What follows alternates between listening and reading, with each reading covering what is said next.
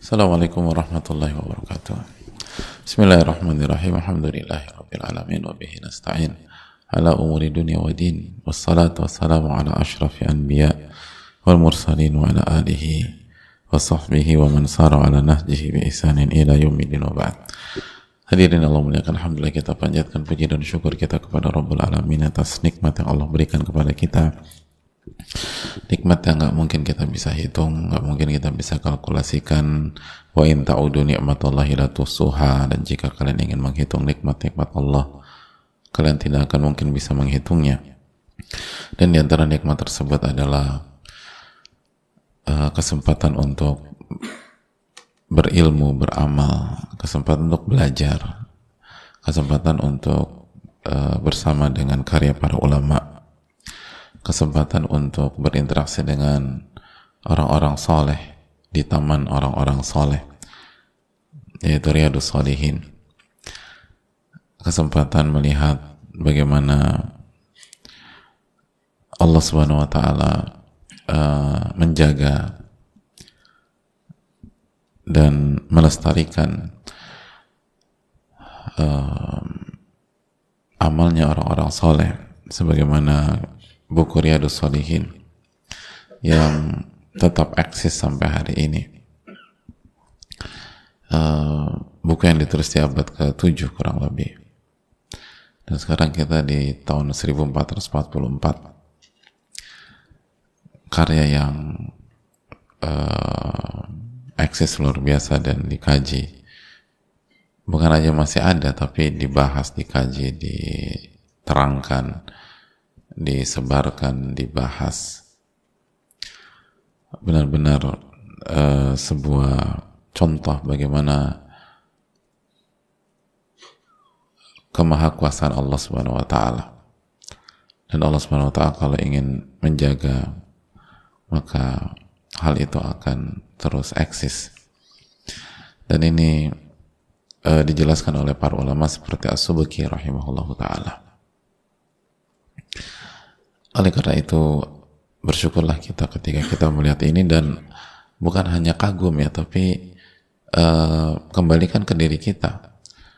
Kalau kita ingin uh, apa yang kita lakukan atau karya yang kita perbuat itu dijaga oleh Allah Subhanahu wa taala, maka teladanilah para ulama kita yang karya-karya mereka itu dijaga dan di uh, lestarikan oleh Allah wa taala. Dan ini pelajaran besar buat kita. Dan kuncinya kata para ulama adalah bagaimana mereka menata hati mereka. Lalu membuat karya atau uh, mengamalkan sesuatu yang berusaha sesuai dengan sunnah Rasulullah Sallallahu Alaihi Wasallam. Tentu saja nggak ada orang yang sempurna, nggak ada manusia yang uh, terbebas dari kesalahan.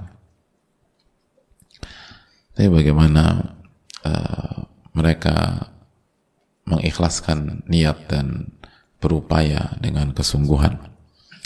Dan semoga Allah terima amal ibadah mereka dan amal ibadah kita. Amin ya alamin. Dan uh, nikmat ini semakin berkesan ketika kita kita uh, kerjakan di di penghujung dan di penghujung Syaban dan di hadapan bulan yang luar biasa bulan yang dikatakan banyak para ulama adalah bulan terbaik dari satu tahun yaitu bulan Ramadan ketika jarak kita dengan Ramadan hanya tinggal hitungan jam saja maka uh, semoga kajian kita pada hari ini menjadi booster keimanan kita dan menambahkan iman kita untuk memasuki Ramadan yang tentu saja sebelumnya kita meminta agar Allah swt uh, mudahkan kita dan berikan kita taufik sehingga kita bisa bersama Ramadan tahun ini. Amin ya rabbal alamin.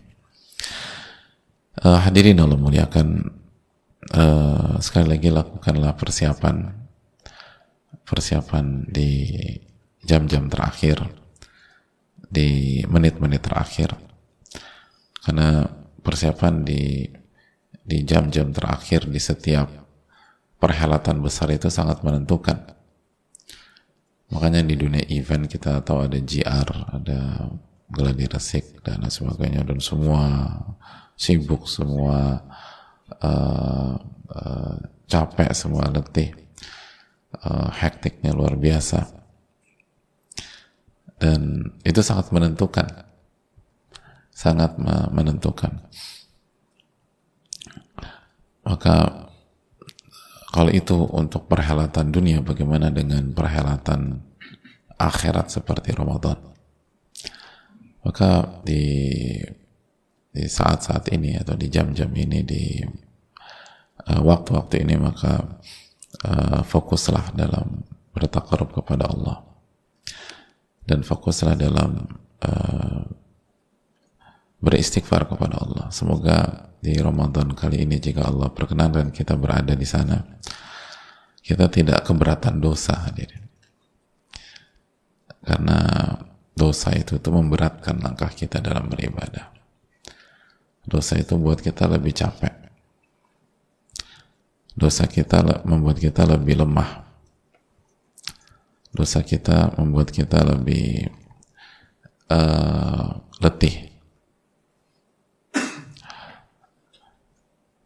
dan itu benar-benar real kita rasakan. Ketika seseorang atau kita tergelincir dalam dosa itu untuk ibadah itu uh, lebih berat daripada sebelumnya. Makanya kan uh, Allah Subhanahu wa taala berfirman tentang istighfar dalam surat Hud ayat 52 apa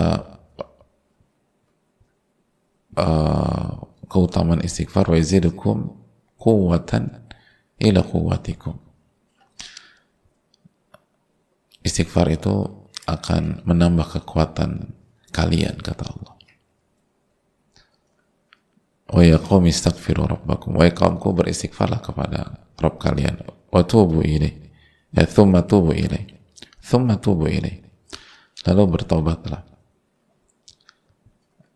apa di antara fungsinya wa yazidukum quwwatan ila quwwatikum maka Allah akan memberikan tambahan kekuatan kepada kalian tambahan kekuatan bagi kalian jadi kalau kita ingin mendapatkan kekuatan dari Allah di Ramadan, perbanyak istighfar kepada Allah. Perbanyak istighfar. Tobat-tobatan nasuha. Dan kita akan rasakan bedanya. Karena itu janji Allah Ta'ala. Bukankah kita sudah familiar dengan firman Allah dalam surat Al-Baqarah, "Dzalikal kitabu la raiba Kitab ini nggak ada keraguan di dalamnya nggak ada keraguan jadi kalau Allah berfirman di dalam Al-Quran dalam surat Hud 52 wa yazidukum quwatan ila quwatikum istighfar itu istighfar dan taubat itu akan menambah kekuatan kalian maka la raiba fi. Nggak ada keraguan. Tidak ada keraguan. Karena itu yang kita baca dalam Al-Baqarah ayat 2 ayat yang sangat familiar dzalikal kitabul raiba fi. Hudalil muttaqin. Kitab ini nggak ada keraguan di dalamnya sebagai petunjuk bagi orang-orang yang bertakwa. Jadi tolong manfaatkan atau mari kita manfaatkan uh, hari ini dan eh, waktu-waktu uh, terakhir menuju Ramadan uh, dan kita lihat apakah hilal terlihat atau tidak dan kita tunggu pengumuman pemerintah oleh karena itu hadirin Allah muliakan. Uh, semoga Allah memberikan taufik kepada kita semua. Karena ini hal yang sangat berharga. Ini yang uh, dinanti oleh para wali-wali Allah, oleh para uh, ahli ibadah, oleh orang-orang yang bertakwa. Dan jarak dengan eh, jarak antara kita dengan tamu istimewa ini hanya beberapa saat saja. Tapi semua bisa berantakan kalau kita tidak uh, kalau kita tidak waspada. Semua bisa berantakan kalau kita meremehkan. Semua bisa berantakan kalau kita lalai. Semua bisa berantakan kalau kita arogan. Semua bisa berantakan kalau kita sombong. Kalau kita menganggap ini sepele, meremehkan itu bahaya di semua bidang apalagi bidang akhirat dan uh, sekali lagi jangan diremehkan dan tataplah sebagai sebagaimana tatapan orang-orang yang beriman dan orang bertakwa. Orang-orang beriman dan orang-orang yang bertakwa. Sekali lagi semoga Allah memberikan taufik kepada kita untuk masuk ke Ramadan.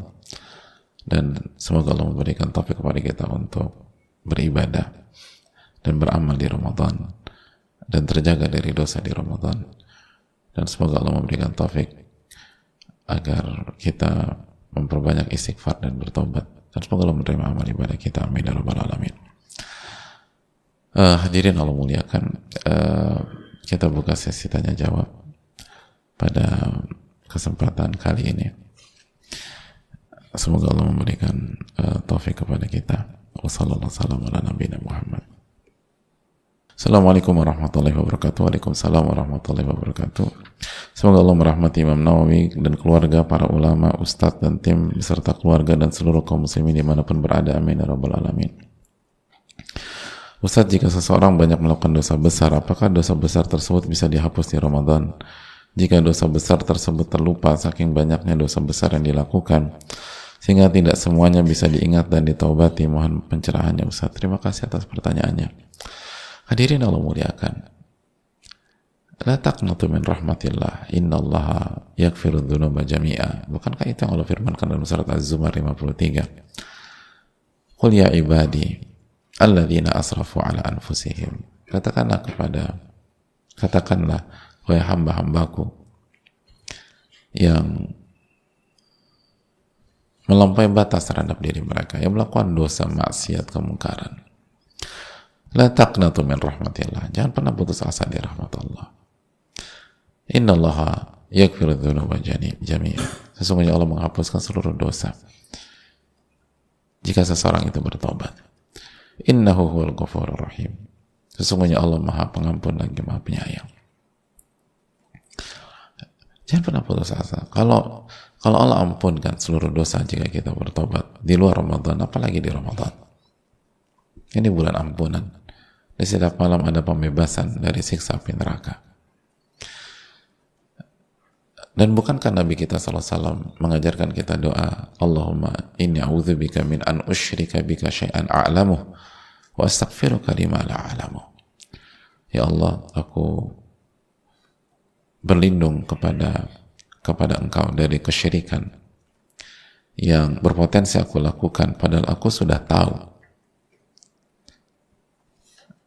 dan aku beristighfar dari semua hal yang aku tidak tahu. Kan sekali lagi Allahumma inni a'udzubika min an usyrika bika syai'an a'lamu wa astaghfiruka lima la a'lamu. Ya Allah aku, ber, aku berlindung kepada engkau dari perbuatan syirik yang berpotensi aku lakukan padahal aku sudah tahu. Dan aku beristighfar dari apa yang aku nggak tahu. Bisa jadi kita nggak tahu melakukan ini melakukan itu tapi ketika kita beristighfar, secara umum ya Allah ampuni dosa-dosa aku yang aku nggak tahu, yang aku nggak sadar, yang aku terluput gitu. Saking banyaknya mungkin aku lupa dan seterusnya. Maka apa susahnya bagi Allah Subhanahu wa taala? Apa sulitnya bagi Allah Subhanahu wa taala? Allah Al-Ghafur. Allah Al-Ghaffar Allah Al-Afu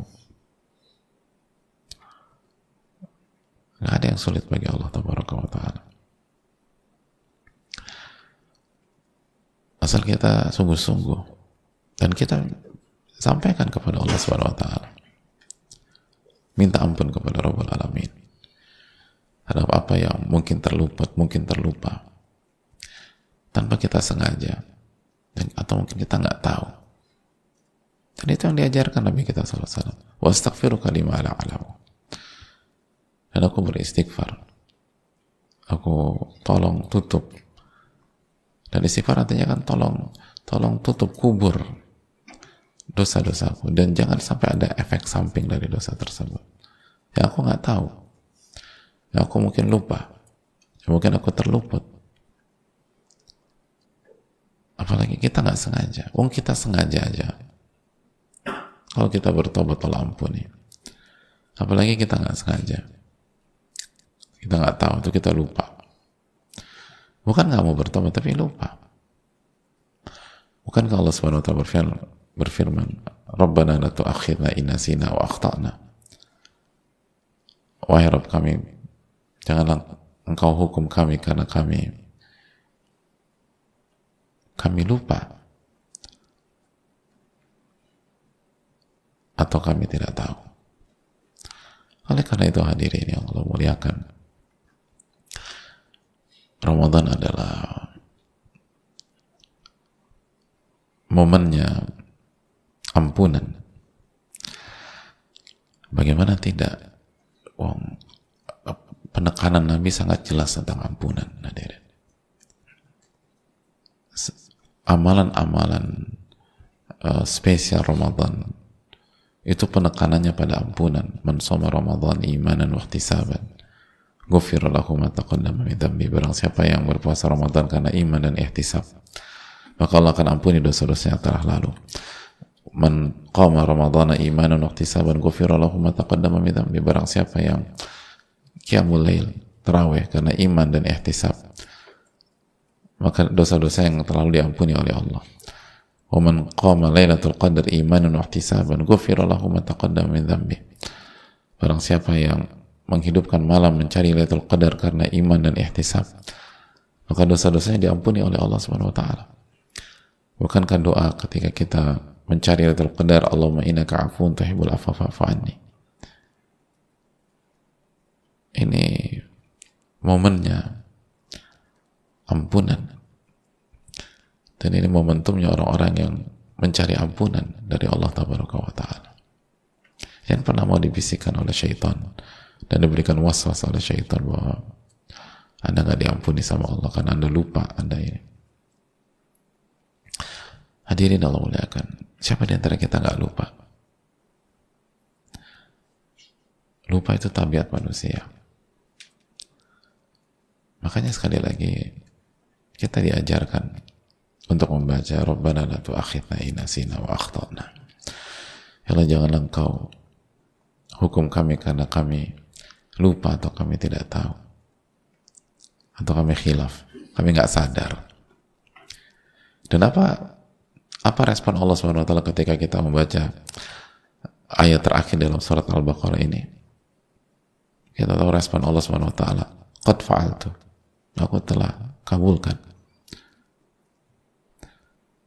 Ketika kita baca Rabbana la tu'akhidna inna sina wa akhtana. Ya Allah jangan engkau hukum kami karena kami lupa atau kami tidak tahu.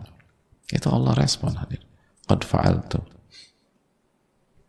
Aku penuhi permintaan engkau. Aku penuhi. Allah nggak mungkin bohong hadirin. Fa inna fa inna astaqal hadithi kitabullah sesungguhnya sebaik-baik ucapan adalah firman Allah taala. Wa khairul hadi hadi Muhammadin sallallahu alaihi. Dan sebaik-baik petunjuk adalah petunjuk Rasulullah sallallahu alaihi. Allah taala misal. Assalamualaikum warahmatullahi wabarakatuh. Waalaikumsalam warahmatullahi wabarakatuh. Semoga Allah memberkahi Imam Nawawi, para ulama, ustadz dan keluarga serta seluruh umat muslim. Amin ya rabbal alamin. Izin bertanya Ustadz, kalau saya perhatikan banyak perubahan sikap orang orang tua orang tua di lingkungan saya yang tidak saya temui saat mereka masih muda. Dulu di usia tua banyak sikap yang membuat saya tidak nyaman. Sampai saya berpikir apa kalau saya tua akan begini juga. Persiapan apa ya agar kita memiliki masa tua yang berkah dan berkualitas? Jazakallah khairan.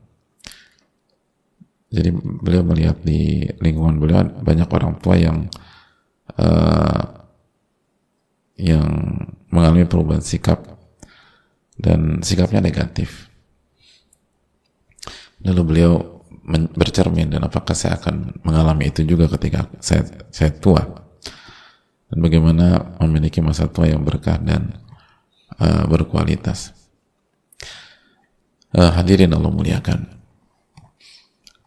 Fenomena ini ini harusnya memberikan pelajaran besar dalam diri kita bahwa uh, anggapan sebagian pihak bahwa aku akan berubah pada saat tua saja. Karena aku mau having fun dulu mau senang-senang mumpung masih muda. Nanti taubat ngaji belajar jadi soleh atau soleha itu nanti pas tua aja itu mitos yang tidak bisa dibuktikan susah berubah pada saat tua hadir. Berubah menjadi lebih baik pada saat itu susahnya luar biasa. Bisa. Apa yang apa yang usaha bagi Allah SWT, tapi sulitnya luar biasa. Karena semakin lama sebuah pola, maka akan semakin mengakar. Dan semakin sulit untuk dirubah. Kalau pola itu baik, maka insya Allah masa tua akan baik. Karena pola baik itu sulit dirubah lagi sulit digoncang dengan dengan apa dengan maksiat dengan uh, perubahan atau sesuatu uh, yang buruk dan lain sebagainya. Tapi kalau pola itu salah pola itu buruk itu juga sama sulit dirubah pola itu kalau pola hidup itu kalau sudah mengakar itu susah dirubah Ya simpel aja lah, nggak usah pola ribet-ribet. Nabi SAW itu meminta kita kul biyaminik, makan dengan tangan kanan. Dan hadisnya sudah kita pelajari, hadis Umar bin Abi Salamah. Makan dengan tangan kanan. Orang yang terbiasa makan pakai tangan kiri setelah 30 tahun, lalu di usia 30 tahun baca hadis ini. Emangnya bisa detik itu dia berubah? Atau H plus 1 dia berubah? Dan langsung dirubah gitu Susah gitu. Hal itu hal sesimpel memindahkan tangan kiri ke tangan kanan. Sesimpel itu aja. Lalu bagaimana dengan mindset, bagaimana dengan pola pikir, bagaimana dengan kegiatan sehari-hari. Gitu. Maka kalau ingin berubah, momennya yang paling enak itu pada masa muda. Apalagi kalau sudah sudah benar dari kecil itu enak sekali. Dan semakin cepat kita berubah, semakin mudah. Bismillah. Makanya jangan percaya dengan syaitan, taswif. Nanti, nanti, nanti, nanti. Gue mau seneng-seneng dulu, gue mau ini. Kalau Anda kesulitan berubah hari ini, Anda akan lebih sulit lagi berubah bulan depan. Dua bulan lagi. Setahun yang akan datang. Dua tahun yang akan datang, tiga tahun, dan seterusnya. Hadirin dosa, maksiat, dan, dan segala itu penyakit Ya kita lihat aja filosofi penyakit itu apa. Penyakit itu kalau kita nggak obati secara umum, stadiumnya akan berkurang lalu menghilang atau akan bertambah? Bertambah.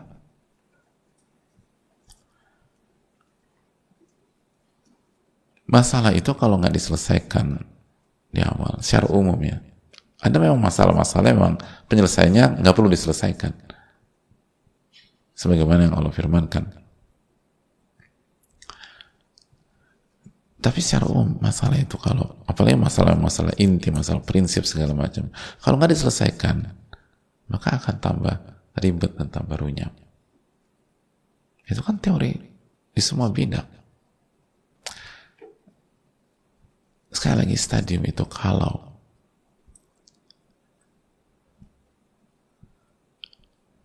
eh, penyakit itu kalau tidak di, di, diobati, maka stadiumnya akan naik Standarnya akan naik.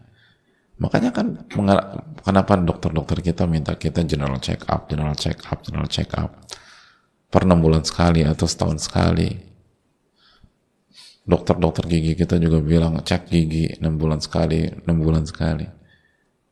Itu kan untuk tindakan preventif. Jangan sampai ada masalah dan kita taunya terlambat dan akhirnya ribetnya minta ampun. Tapi kan kita malas ya, karena itu bukan bukan kultur kita mungkin. Dan kenapa nggak takut ketahuan? Takut ketahuan. Sebenarnya tahu atau enggak nggak merubah fakta. Cuma masalahnya anda tahu atau anda nggak tahu. Namanya kalau kita nggak tahu itu penyakit hilang sendiri gitu. Hanya sebatas karena kita nggak tahu. Kalau kita nggak tahu lalu kita merubah pola ya mungkin hilang dengan taufik Allah. Atau Allah bisa aja menghilangkan itu. Tapi secara umum sunatullah kan harus begini. Nah begitu juga dengan dengan maksiat. Maka sekali lagi ini jadikan cambuk bahwa kita harus berubah dari awal. Semakin mudah kita berubah, semakin nyaman. Dan semakin kita nggak kehilangan momentum. Dan semakin banyak hal yang bisa kita lakukan dari kebaikan. Dan semakin besar peluang kita berkarya di hal-hal yang Allah ridhoi. Dan itu akan menambah peluang kita masuk ke surga Allah Subhanahu wa taala. Wallahu taala alam bisawab. Saya rasa cukup sampai di sini. Jazakallah khairan. Semoga bermanfaat dan semoga Allah memberikan taufik kepada kita. Dan uh, sekali lagi isi waktu-waktu kita ini uh, lebih serius lagi, lebih hati-hati, lebih waspada. Karena kita akan uh, memasuki uh, bulan yang sangat istimewa insya Allah ta'ala. Dan semoga Allah pertemukan kita dengan bulan Ramadan. Allah membalikna Ramadan. Allah wafiqna lima tuhibbu wa tarda fi Ramadan amin rabbal alamin subhanakallahumma wa la ilaha illa anta astaghfiruka wa atubu ilaik assalamualaikum warahmatullahi wabarakatuh masih ingat semangat sebaik-baik Ramadan tahun lalu? Alhamdulillah, Allah mampukan kita berjuang beramal bersama di Ramadan silam. Bersama berjuang menyiapkan dan mengantarkan bahan pangan, energi bagi saudara-saudara muslim yang berpuasa di bulan penuh rahmat dan ampunan. Bersama berjuang memuliakan penuntut ilmu dan saudara duafa. Bersama berjuang berbagi kebahagiaan menjelang hari Id. Atas izin Allah, lebih dari 10.000 jiwa muslimin telah merasakan manfaat dari program-program sebaik-baik Ramadan 1443 Hijriah. Jazakumullahu khairan. Semoga Allah mampukan kita berjuang lebih maksimal di Ramadan ini. Mari ambil bagian dalam perjuangan bersama di sebaik-baik Ramadan tahun ini. Salah satunya dengan berbagi paket energi Ramadan. Insya Allah, paket akan diantarkan kepada ahli ilmu, penuntut ilmu, dan fakir miskin di beberapa kota dan kabupaten di Indonesia. Salurkan sedekah terbaik kita melalui Bank Syariah Indonesia 1111 815 557 atas nama Yayasan Muhajir Peduli Indonesia. Sebaik-baik Ramadan, Muhajir Project Peduli.